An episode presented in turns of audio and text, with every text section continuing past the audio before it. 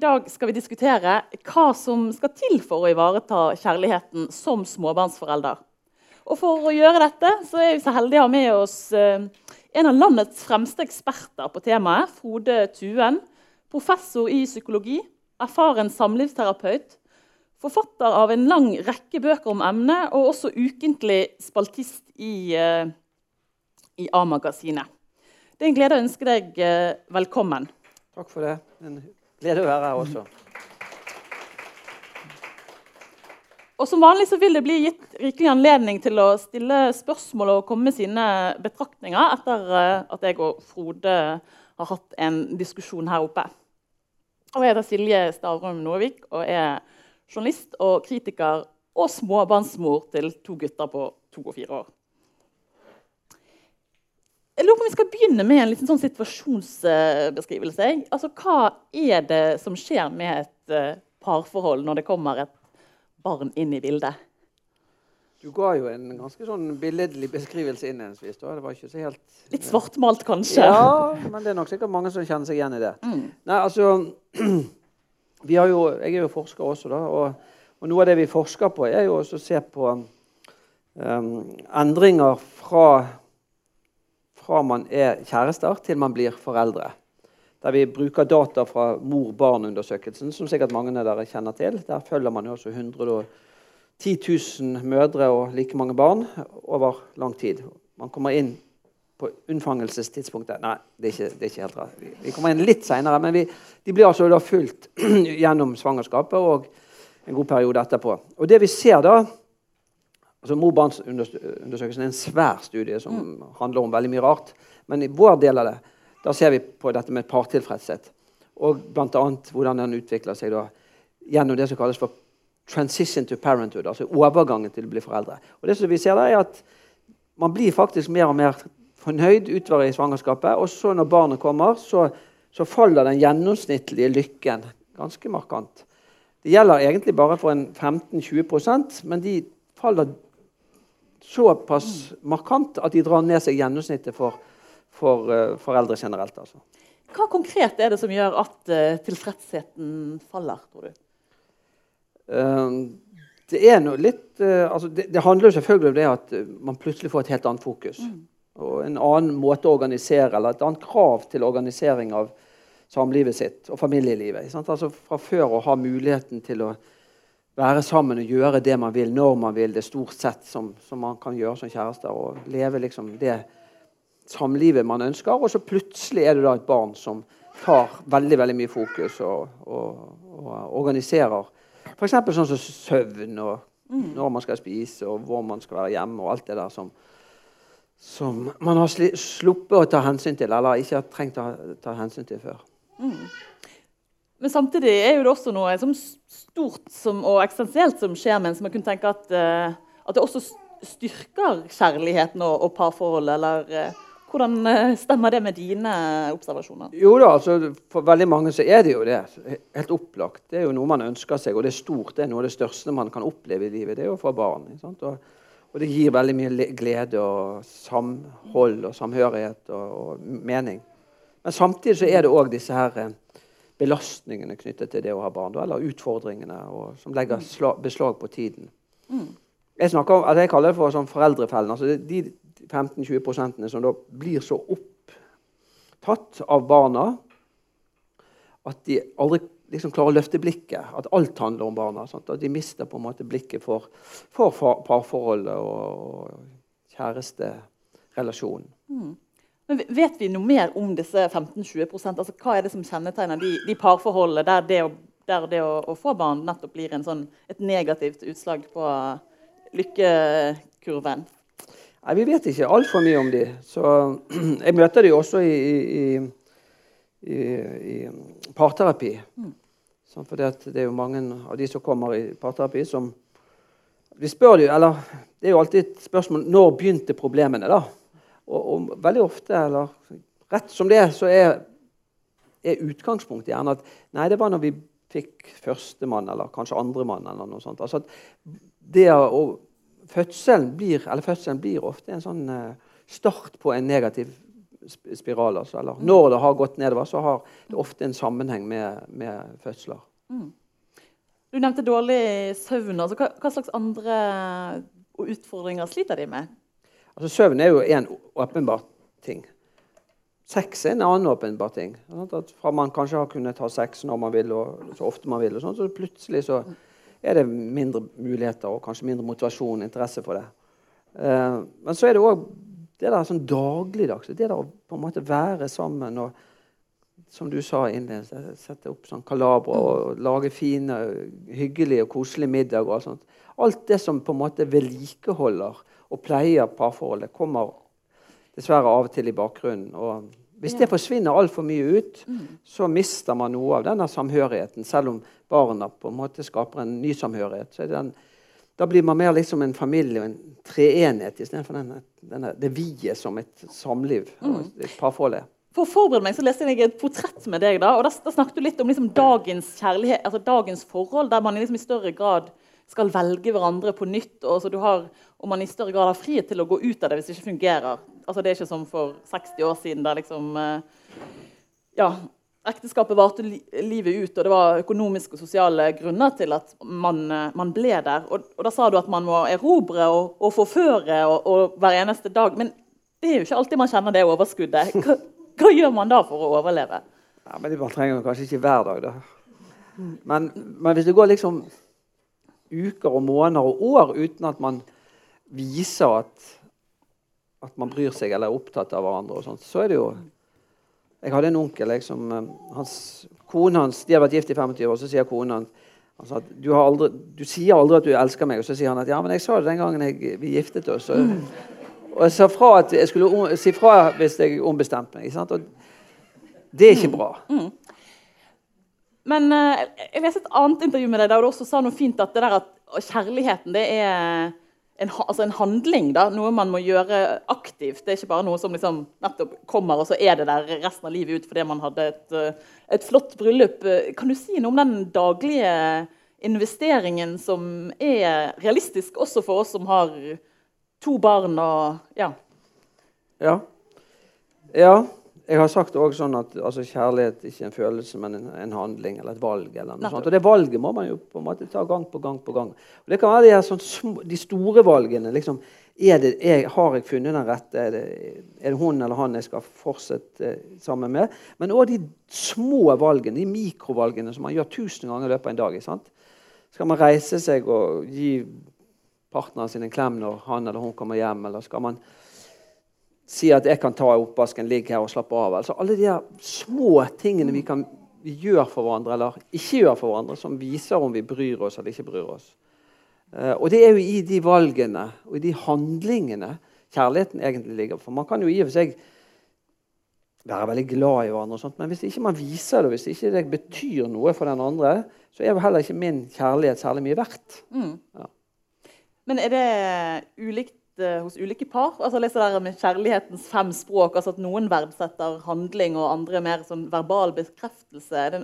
Men eh, hva er din oppfatning? eh? Nei, og, Der er det jo stor forskjell. Altså, kjærlighetens fem språk. Det er jo at man på en måte skal gi fine ord. Det er det ene. Og det andre er jo å gi gaver. Små oppmerksomheter. Det andre er, tredje er tjenester. At man stiller opp. Det fjerde er tilstedeværelse. At man ønsker å være sammen og bruke tid og investere tid sammen. Og det femte er jo intimitet og berøring. Ikke bare sex, men bare det å ligge inntil hverandre, berøre hverandre og stryke hverandre. og alt det som understreker at vi, vi har en spesiell eh, relasjon. Og noen er jo flink på noe av det og dårlig på andre. Og typiske situasjonen er jo at en mann kan være ganske flink kanskje på intimitet, men ikke så god på, på ord. Mens kvinner kan ofte være veldig raus og fin med ordene, og, og sånt, men av og til ikke så veldig flink på intimitet. Ja.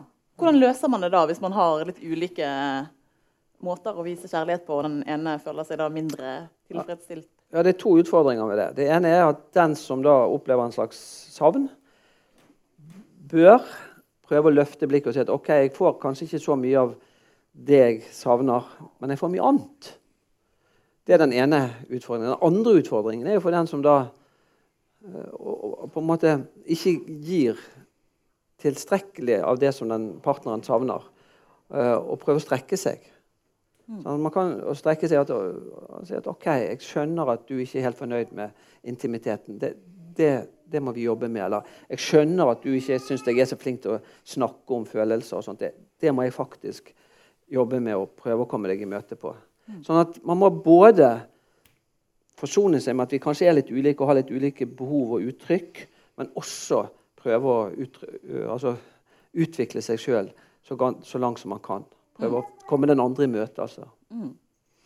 Altså, en ting som kan være utfordrende i et forhold, og kanskje ekstra når man, når man er travel med småbarn, er jo den der gode kommunikasjon. da. At man kan liksom lett komme inn i en sånn eh, negativ sirkel der man liksom ikke når fram til hverandre og blir irritert på bagateller. og Hvordan gjøre noe med, med det, eller hvordan bli bedre på å, å kommunisere med, med, partneren hvis det er det eneste man har, har tid til? Da, de der vanlige daglige samtalene, og ikke de store gourmetmiddagene på byen. Ja, sant. Og det, det, det, det er de der daglige, trivielle situasjonene som kanskje er det, som er det viktigste.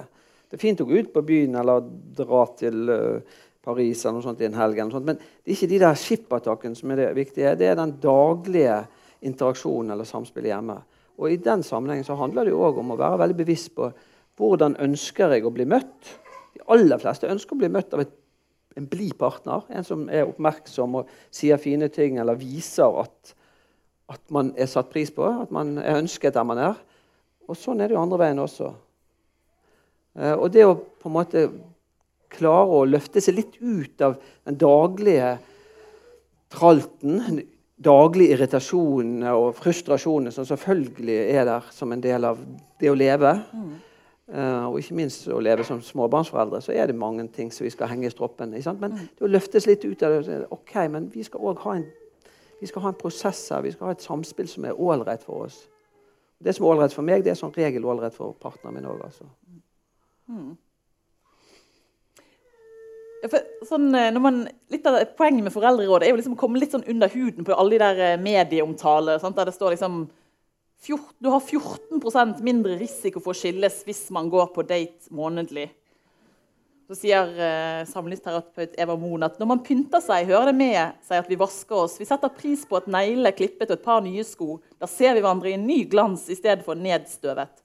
Det kan være lurt å tenke ut en god historie man vil fortelle også. Det trenger ikke være noen vitser, men noe historisk interessant. Eh, du skylder deg selv å komme til torgs med noe. Altså, da legger man sånn listen så høyt da, for hva man skal, eh, denne kvalitetstiden. da. Mm. Ja. Jeg, jeg, tror ikke jeg ville sagt sånn som hun gjorde. Nei. Hva ville du sagt, da? Hun, hun, har for øvrig gått i videreutdanning også. Jeg tror man sender et brev til henne. Nei. Uh, nei, altså jeg tenker at det er, det er jo de der dagligdagse greiene. Og da driver man jo ikke og pynter seg så himla mye. Men hvis man kan i, i det daglige vise at man er, er, der for hverandre og bryr seg og engasjerer seg, involverer seg i hverandres liv, mm. det er det aller viktigste. Så klart, Noen ganger er det hyggelig å gå ut eller å gå på en fest og fjonge seg litt opp. Altså. Men mm. det, er ikke, det, er ikke, der vi gjør uh, støtet. Mm. Ja, for det, det, er jo ikke alle som liksom har uh, barnevakter tilgjengelig, eller som, som får den der uh, naturlige avlastningen som kan være god. da, Og da må jo man finne andre strategier for å, å dyrke parforholdet. da. Ja. ja. Og det kan dyrkes hvor som helst og når som helst. John Gottman, som er en, en av de sentrale forskerne på et område, som har gjort mye spennende forskning, han har noen sånne begreper som, som vi alle kan huske på og bruke i våre egne liv. Og Han skiller da mellom 'moving towards', 'moving away' og 'moving against'. Og 'moving towards' altså det å si å venne seg til. For eksempel, Hvis jeg nå kommer hjem til min kone og så sier at jeg var på Litteraturhuset, og det var en kjempekjedelig debatt, og ingenting funket, og jeg fikk ikke frem det jeg hadde begjært, eller noe, sant? Hvis jeg skulle si det Det kommer jeg sikkert ikke til å si. Men hvis jeg sier det, så sier hun 'Fortell!' Mm. Dette, dette, vil jeg høre mer om. Sant? Da opplever jeg at hun er der for meg. Hun 'moving towards'. Mm. Men jeg kunne også komme hjem og si det, og så sier hun ja, vi har alle hatt vår utfordring i dag. Sant? Eh, nå må jeg eh, konsentrere meg her. Mm. Da, da, opplever ikke jeg at hun ser meg eller støtter meg. eller Jeg kan ikke lene meg til henne. Sant? Eller hun kunne til og med si sånn at og vet du hva, Jeg er så lei at du kommer hjem, og det første du gjør, det er å begynne å klage. Du, du klager og syter. og Det er bare kritikk og negativitet. Mm. Da blir du møtt med piggene ut. Mm. Og dette gjør vi alle sammen i større eller mindre grad. Men hvis vi gjenkjenner hos oss sjøl at jeg tyr mer til 'moving away' og 'moving against' enn 'moving towards', da er det jo på tide å bli mer oppmerksom og, og bevisst på at neste gang mm. du kommer hjem, så skal jeg være der for deg. Mm. Moving towards. Mm. Og Det lille, bare det å gjenkjenne de tingene der, er, gjør en veldig veldig, veldig stor forskjell. Ja. Men det er jo liksom veldig vanskelig å se seg selv utenfra. Da. Altså Man har liksom sitt perspektiv og tenker at det jeg gjør, er, er som regel rett. Eller man forstår det fra, sin, man står, forstår det fra sitt ståsted. Altså, kan du si noe om det, hvordan man kan bli bedre til å ikke bare jeg pleier ofte å si sånn at man, man har to øyne. Mm. Det ene øyet kan du se på liksom det som er tema, det vi krangler om eller uenige om. eller skal finne ut av. eller sånt. Det trenger vi av og til. Mm. Et blikk på det. Men det andre blikket kan være på liksom Hvordan snakker vi om dette nå? Mm. Legger jeg det frem på en ålreit måte, eller er vi kommet inn i et spor hvor vi faktisk håndterer dette på en konstruktiv måte, eller står vi bare nå og stanger hodene mot hverandre? Altså det å bruke begge øynene til å se både på innhold, men òg på form. Eller innhold og prosess. Det gjør veldig stor forskjell. altså. Dette kan jo alle. Man, altså, man trenger jo ikke reise til Roma eller mm. gå på en gourmetrestaurant for å utforske dette eller gjøre seg erfaringer med det. Mm. Kjøkkenbenken eller Du sa å sitte og se på eh, Netflix-serie. Det er jo kjempegøy det å gjøre sånne ting sammen. Det er betryggende. Um, men det, altså det få, det, Man kan jo ikke forberede seg på alle sidene ved det å, få barn. og Det kan jo komme fram at man har liksom ulike syn på det med, med, med barneoppdragelse. da. Og det er jo kanskje ting man ikke syns er så kjekt å kompromisse på, for det er så, så viktig. da. Eh, hvor Opplever du det som, som terapeut at det er en kilde til eh, konflikt og uenigheter? At man har ulikt syn på Ja ja, til en viss grad, men jeg synes det er ikke det som er det typiske mm. konflikttemaet. Mm. Men det griper kanskje inn i hvis man, hvis man, ellers er litt forskjellig eller har en dårlig kommunikasjon, litt lite evne til å møte hverandre. Og det er gjerne den ene parten som kanskje er litt dårligere på å møte den andre enn omvendt. Og da vil jo ulike syn på barneoppdragelse kunne være en, en, et tema. da. Mm. Men isolert sett så er det ganske få som kommer og har det som hoved, mm. hovedproblem. Men ja. det skjer nok sikkert. Men Spiller det noen rolle for hvor mange barn man har, eh, for at det får liksom utslag for uh, tilfredsheten i, uh, i parforholdet? Man tenker, seg, man tenker, jo sånn intuitivt at det er verre hvis du har fire barn eller hvis du har liksom ett. Men, eller har ikke det noe å si? Altså? Ja, altså I våre, vår undersøkelser så ser vi at de som jeg sa innledningsvis, de synker når de får sitt første barn. Mm. Synker det enda litt mer når de får sitt andre barn. Men fra andre undersøkelser så kan det se ut at det går litt opp igjen hvis du får det tredje barn. Så ja. det gjelder å hive seg rundt. Nei, jeg vet ikke akkurat. Men, men det er klart at hvis du har mange barn tett på, og du blir fanget i den der eh, foreldrefellen Eller sjansen er nok kanskje større for å bli fanget i foreldrefellen da. Men, mm. all, men alt i alt så handler det nok mest om hvor bevisst man er disse tingene, og hvor mot, motivert man er for å, for å, gjøre noe med de utfordringene som dukker opp. For utfordringer dukker opp i alle forhold, uansett. Og de kan håndteres bra, og da er det som regel ikke noe problem. Eller de kan håndteres dårlig. Og da kan selv et lite bagatellproblem bli veldig uhåndterlig. Altså. Mm. Når er det man bør sette, stikke fingeren i jorden og tenke at vi bør eh, oppsøke profesjonell hjelp? Eller, det tenker du kanskje at alle burde gjøre, da? nei, ja, nei, ikke nødvendigvis. Altså, jeg tror Veldig mange kan ha nytte av å gå på et samlivskurs, f.eks. Mm. Det tror jeg. For nettopp å bevisstgjøres på alle de farene eller fallgrubene som er der. Og prøve å unngå å gå i de, og for å bli mer bevisst på hvordan kan vi jobbe med forhold og mm. bli mer Men, men hvordan, når skal man stikke fingeren i jorden og si at vi trenger hjelp? Ja. Hva er liksom faresignalet? For Vi vet jo alle at det ikke er en dans på roser. Og, og noen, altså, men, men, når bør man tenke at uh, ja, nå er vi kommet så langt at vi bør uh, snakke med noen ja. voksne? ja.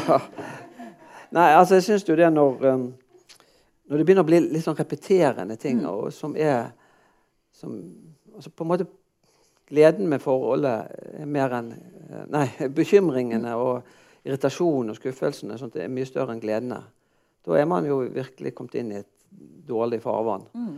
Uh, og når man begynner å liksom tenke er, er dette det rette. og er det, er det, han her jeg skal være sammen med, eller hun her jeg skal være sammen med? og sånt. Og noen sånne her, eh, altså Parforhold går litt opp og ned.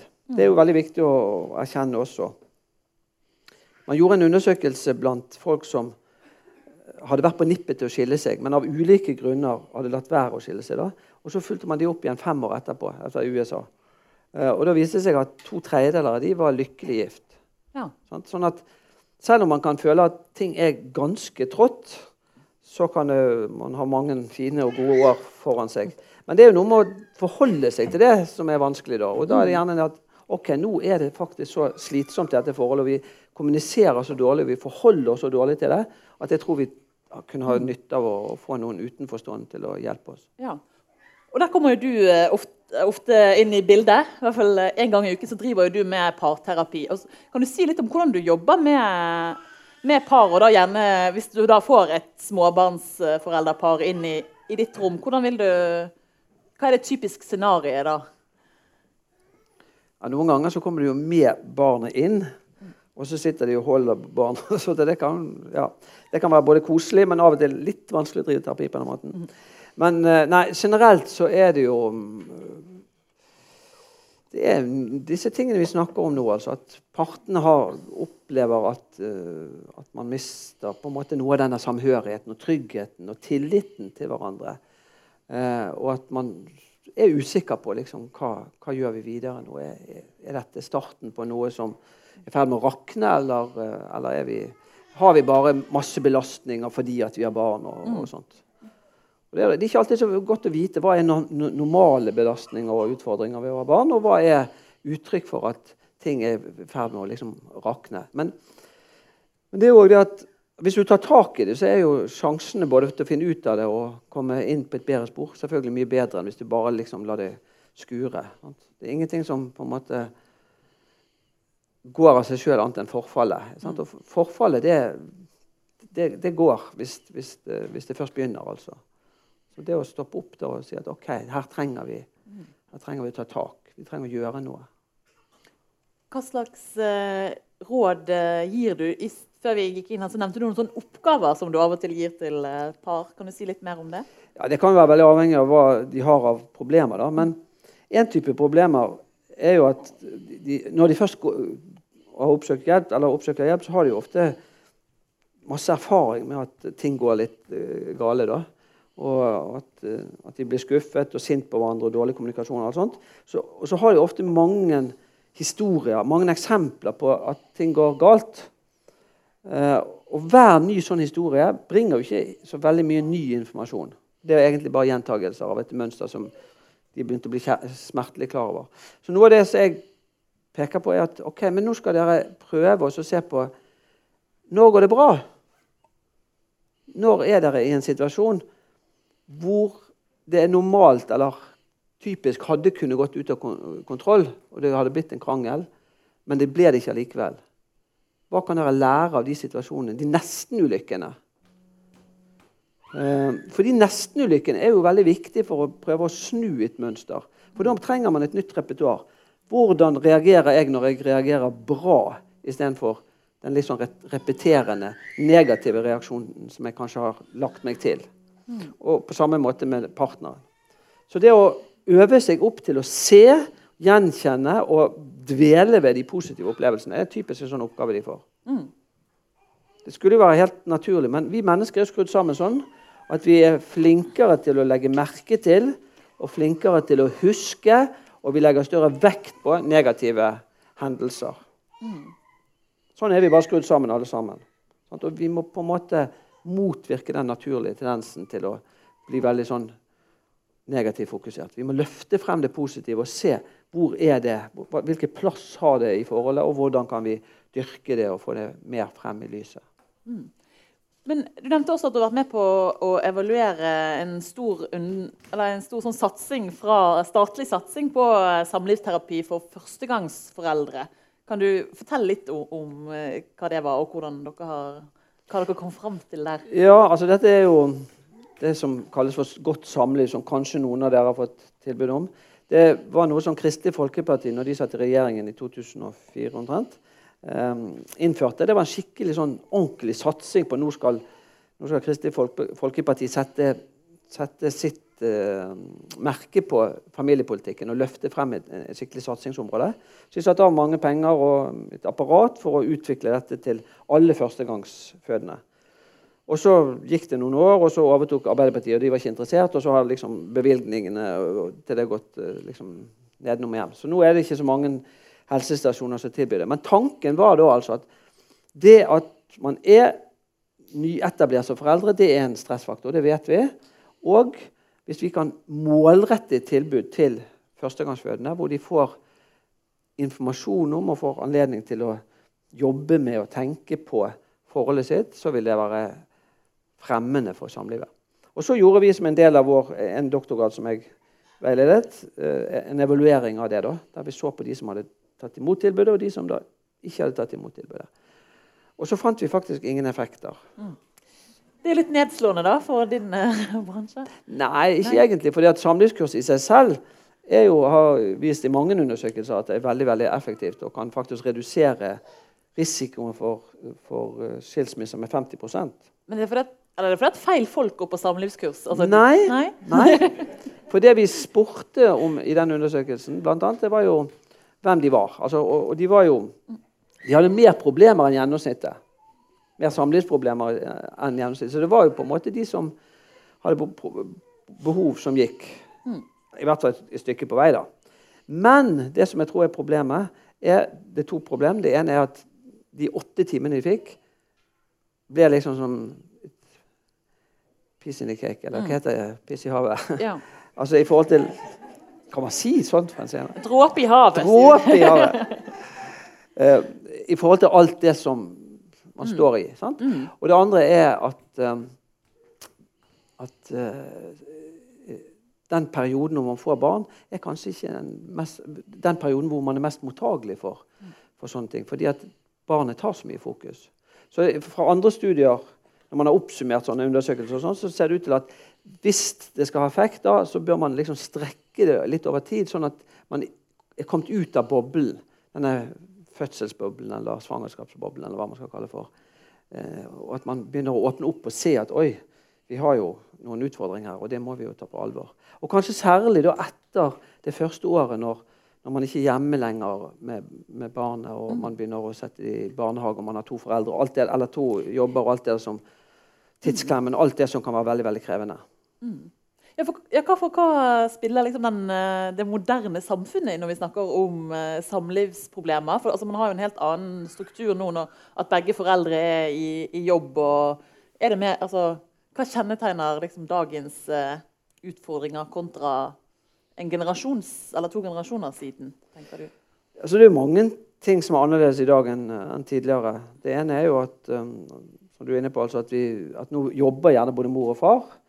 Eh, og at man får da mye større press på, på parforholdet og familien enn tidligere når, når jeg vokste opp, f.eks., hvor min mor var hjemme. Det var jo veldig behagelig. Og man hadde veldig sånn klare rollefordelinger. Altså, kvinnen skulle ta seg av hus og hjem hovedsakelig, og mannen man kom hjem. Min far kom hjem og sov middag på, på Eh, på sofaen hver dag. Sant? Han var ikke noen mannssjåvinist. Altså, det var typisk. Sant? Og ofte før jeg sov middag, for å si sånn, eller menn nå til dags. Sånn, at vi har jo mye større press på oss, da, både mm. som kvinne og mann. Og så har vi da òg en mye større åpenhet rundt ekteskapet, eller samlivet. Før i tiden så var, jo, var man jo ofte gift. Altså Man forventet at når man hadde lovd hverandre å ære, elske og ære hverandre til døden skilte en av, så gjorde man det. I dag er det mer sånn at vi lover å elske hverandre og ære hverandre til jeg ombestemmer meg, eller til jeg finner på noe bedre å gjøre. Sant? Sånn at vi har på en måte en mye løsere struktur og større press. Så ja. ja vi, var inne på det med, med husarbeid og altså fordeling av oppgaver hjemme. Hvor mye opplever du at det spiller inn for uh, opplevelsen av kvaliteten på forholdet og problemer er det et issue folk kommer med til deg? Ja, det er et mm. issue. Mm. Og det er også vist at eh, altså, mer likestilte parforhold uh, klarer seg som regel bedre enn de som er mindre likestilte i vår tid. Mm. Sånn, at For menn da, som tar en litt sånn passiv rolle, sånn, så, så beveger de seg ut på en risikofylt eh, ferd altså, mm. i forhold til å bevare forholdet. Mm. Så ja, nei, det er viktig å være å dele oppgaven. Ikke sånn at det nødvendigvis er sånn, altså helt likt, da, mm. men at man må oppleve å være et team. Uh, at man har, man har på en måte et fellesskap rundt alle de oppgavene som et moderne familieliv er. Altså, som handler om både hus og, og barn. Mm. Og Hvis ikke man er et team, så så opplever man som regel mer og mer en slags avstand og ensomhet i forholdet. Og den ensomheten den eh, er jo ikke god, da. Mm. Men tenker du at uh, de fleste problemer kan repareres? Eller når kommer man til det punktet der man kanskje bør innse at uh, dette forholdet er ikke liv laga? Ja, altså Det kan jo være at det ikke liv, var liv laga i utgangspunktet. At man bare har valgt en feil Mm. person. At man har funnet seg en, en, som man kanskje aldri skulle ha innlatt seg med. Mm. Men hvis utgangspunktet har vært riktig, at det mm. var god kjærlighet og god kjemi og god samhørighet i utgangspunktet, så, så kan jo kanskje alle utfordringer eh, ordnes opp i. Under forutsetning at det ikke har gått så langt at man har på en måte undergravd den samhørigheten og fellesskapet og kjærligheten, og at, at den har forsvunnet helt på veien. Mm. Men veldig ofte når folk kommer, så er det jo i hvert fall en del av de, en del av på en måte følelsene som sier at dette har jeg lyst til å jobbe med å redde. Mm. Men eh, Du er jo professor eh, i psykologi, men du jo, har jo også vært eh, småbarnsfar i 25 år. Kan du si litt om dine egne personlige erfaringer med, med emnet? Ja, det er av og til en forskjell på å være fagperson og Ja, ja. ja. Jeg er jo skilt en gang for lenge siden, så jeg, har jo nei, nei, altså Det er klart at um, man gjør jo seg sine personlige erfaringer også. Og, og jeg har jo et barn fra et tidligere ekteskap som har opplevd den der situasjonen med mine, altså mine barn og våre barn. Mm. Eh, så, som er en krevende situasjon å leve i, og som, som mange kommer i før eller siden. Altså en sånn sammenbrakt familie. og Eh, det er klart at det mange har vært utfordringer i mitt liv også i forhold til det med, med barn. Men, um, men um, det hjelper jo òg å jobbe med disse tingene. Altså, man, blir jo, man, blir jo, minnet på det og blir, blir, mer bevisst kanskje når man jobber med det og skriver om det og møter folk som står midt oppi det. og sånt. Jeg husker en gang, eller en periode jeg hadde sånne her, uh, skilsmissegrupper. da. Og da husker jeg alltid når vi hadde hatt disse gruppene, for da var det jo så mange på en gang som var sammen. Og det var mye sorg og savn og tristhet og sånt som kom frem. Og når jeg da kom hjem de kveldene etter vi hadde hatt de skilsmissegruppene, da tror jeg jeg var veldig god ektemann. altså Omsorgsfull og bevisst liksom hva jeg har. Så, men, eh, men, jeg jo Jeg lever et travelt liv. Jeg har en kone som jobber og sånt, og er mye på farten. Så. En gang så fikk jeg en, en påminning fra min, min, yngste sønn, da, som den gangen var syv år. eller noe sånt, Så, Så sier han til meg du, 'Pappa, du, du er jo aldri hjemme. Han har ikke begynt med sånn skare. Du er jo nesten aldri hjemme for tiden. Og så tenkte jeg det, det er jo ikke helt rett. Og jeg er jo hjemme nå. Jeg var faktisk hjemme en kveld i forrige uke òg, men det har vært litt mye nå. Så, ser, så sier han ja, jeg syns, jeg syns nesten ikke jeg kjenner deg. Og så tenkte jeg oi, er det, er det så ille? Og så ser han sånn litt lurt på meg igjen, og så sier han hva var det du het, forresten? Så, bortsett fra at det var jo en litt sånn morsom tildragelse. Så, men det var jo òg en ganske sånn tydelig tilbakemelding. Mm. Og det gjorde kanskje større inntrykk på meg det enn, enn når, min, når, min, kone da av og til sier at nei, nå må du være med hjemme. og sånt. For da er det lett å komme inn i en sånn en litt sånn polarisert mm. posisjon. Mm. Man kjemper om liksom, tid og mulighet til å utfolde seg og sånt. Mm. Mens barna kan ofte nå inn til oss på en, på en annen måte enn ektefellen eller partneren. Mm. Ja. Oppleves mindre moraliserende? Ja, for, som, ja, for da går du ikke inn i den polariserte mm. posisjonen som det er så lett å gjøre i et, i et parforhold. Mm. Eh, da begynner man å si 'ja, men du', da. Eller ikke, altså, Da begynner man liksom å, å veie si, sin innsats og sine behov den andre, mot den andre. Sant? Så det er helt inn en sånn her balanse som, som mm. man føler kanskje ikke er helt i, helt i vater. Mm. Når vi snakker om disse tingene som familieliv og, og romantikk, så er det jo liksom lett for å se det på som to forskjellige størrelser. Da. Men uh, din kollega Peder Sjøs har sagt at familielivet og det romantiske forholdet ikke bør konkurrere med hverandre, men være én ting. Altså Har man det fint i familielivet, så styrkes parforholdet, og omvendt, eh, råder han. Og det høres jo kjempefint ut. Altså, hvordan får man det til i, i praksis? Eller hva ligger i det, tenker du, da?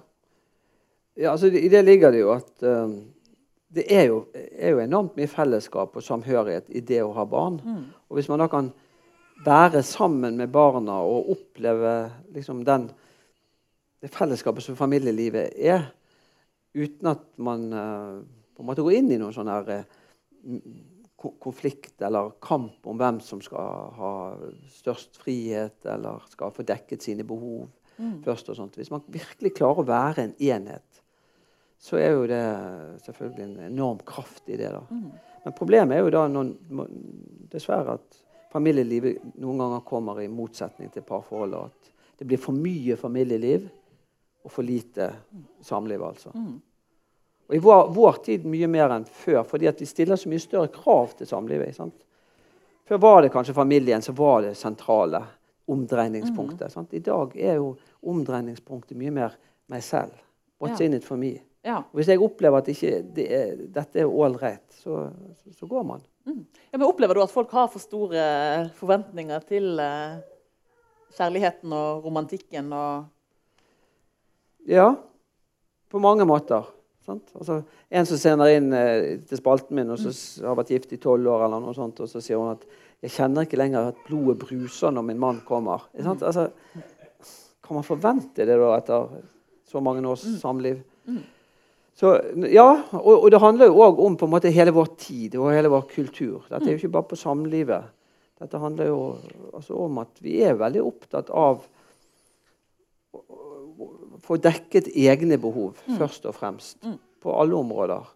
Uh, og, og, vi er mer selvopptatt og mindre solidarisk, mindre kollektivt orientert i vår tid enn, enn, vi var for en generasjon eller to siden. Mm. Det interessante er jo at alle store, sentrale tenkere som har sagt noe om vår tid, Anthony Giddens eller uh, eller uh, Baumann eller Beck eller altså hva de heter, disse modernitetsteoretikerne og sosiologene og sånt, filosofene, de har jo òg skrevet bøker om kjærlighet og samliv og inti intime relasjoner. Sigmund Bowman, for eksempel, har en bok som han kaller for 'Liquid Love', eller 'flytende kjærlighet', som en slags en del av det begrepet han kaller for Eh, flytende modernitet. Dette at vi liksom bare flyter rundt i en sånn evig endring. Og vi har på en måte ikke noen forankring i, i, i tradisjoner og, og, og, eh, og, en fortid sant? eller en fremtid. Vi vet liksom ikke egentlig hva vi vil med livet. Vi bare roter rundt.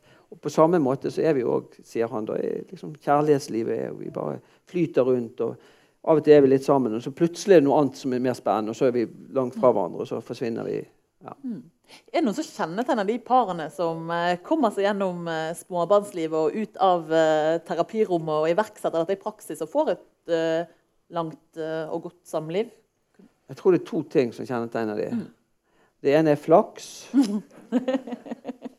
og det er bare en hypotese. Jeg har ikke noe god empiri for det. Og det andre er bevissthet. Altså at man faktisk jobber med disse tingene. Mm. Ikke jobbing i form av hardt arbeid, for det, det gir liksom feile konnotasjoner. Men, mm. men mer at, at, dette er noe som må pleies. Altså Et parforhold må pleies akkurat som andre relasjoner. Man pleier jo vennskap også. Hvis ikke man tar kontakt med vennene sine eller byr på seg sjøl eller er omsorgsfull for vennene, så forsvinner de.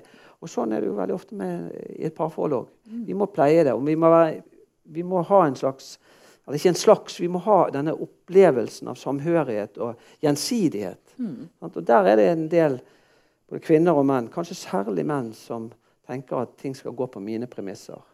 Men hvis ikke man er mer Man skal være minst like opptatt av hvordan er dette forholdet for partneren min, som at man er opptatt av 'what's in it for me'. Hvis begge har den innstillingen, og man har noenlunde et, et bra utgangspunkt, så går det bra. Mm. Vi skal snart uh, gå over til å slippe uh, salen til. Men uh, du er blitt sitert på at om man ikke kan si det man har på hjertet i korte vendinger, så har man et problem. Derfor vil jeg gjerne be deg avrunde med fem gode tips til en overlevelsesguide for småbarnsforeldre som vil ta vare på det amorøse. Ja Jeg har ikke noen sånn helt kjempespissformulering. Eller kanskje én, i hvert fall. At kjærligheten for viktig til å overlates til, til um, følelsene. Altså, vi må ha med oss fornuften, rasjonaliteten. Sant? Vi må tenke. Liksom, hvordan skal jeg forvalte dette? Og Vi må være til stede for hverandre. Vi må åpne opp, være engasjert. Og vi må, vi må ha evnen til å reparere. Det har ikke vi snakket om. Kjempeviktig. Vi skuffer hverandre, irriterer hverandre, svikter hverandre i større eller mindre grad gjennom et samliv. Og det å kunne reparere skadene det er bare, det, bare, den måten man kan legge det bak seg. hvis ikke man gjør det. Hva vil det si å reparere? Reparere kan være helt enkelt å si unnskyld. Mm. Beklager, det var ikke meningen. Det skal jeg gjøre om igjen. Eller det, jeg skal ordne det. Mm. Og gjøre det. Men det hjelper selvfølgelig ikke når, når uh, hvis man har gjort noe veldig stort. Hvis man har vært utro, så er det ikke nok å si 'sorry'. Jeg mm. mente det ikke. Mm. Så reparasjon må stå i, i forhold til skaden eller krenkelsen. Det er viktig. Og En annen ting er å investere. Investere tid, engasjement, eh, oppmerksomhet, forsakelse. Kjærlighet handler ofte om å forsake. Ting som man skulle gjerne vært med på eller skulle gjerne forfulgt. Fristelser som man kanskje skulle og kunne gi seg hen til, men som i det lange løp ville undergrave kjærligheten. Mm. Ja. Nå er vi inne på tre-fire. Er det nok? Ja, jeg syns vi var oppe i fem. Jeg. Okay, ja. vi skal, må dessverre avrunde her. Eh, jeg skal minne om at eh, neste møte i Foreldrerådet er mandag 28.11. med forfatterne Cecilie Holk og Jan Grue. Og Da skal vi snakke om å være forelder med å ha funksjonshemming eller kronisk eh, sykdom.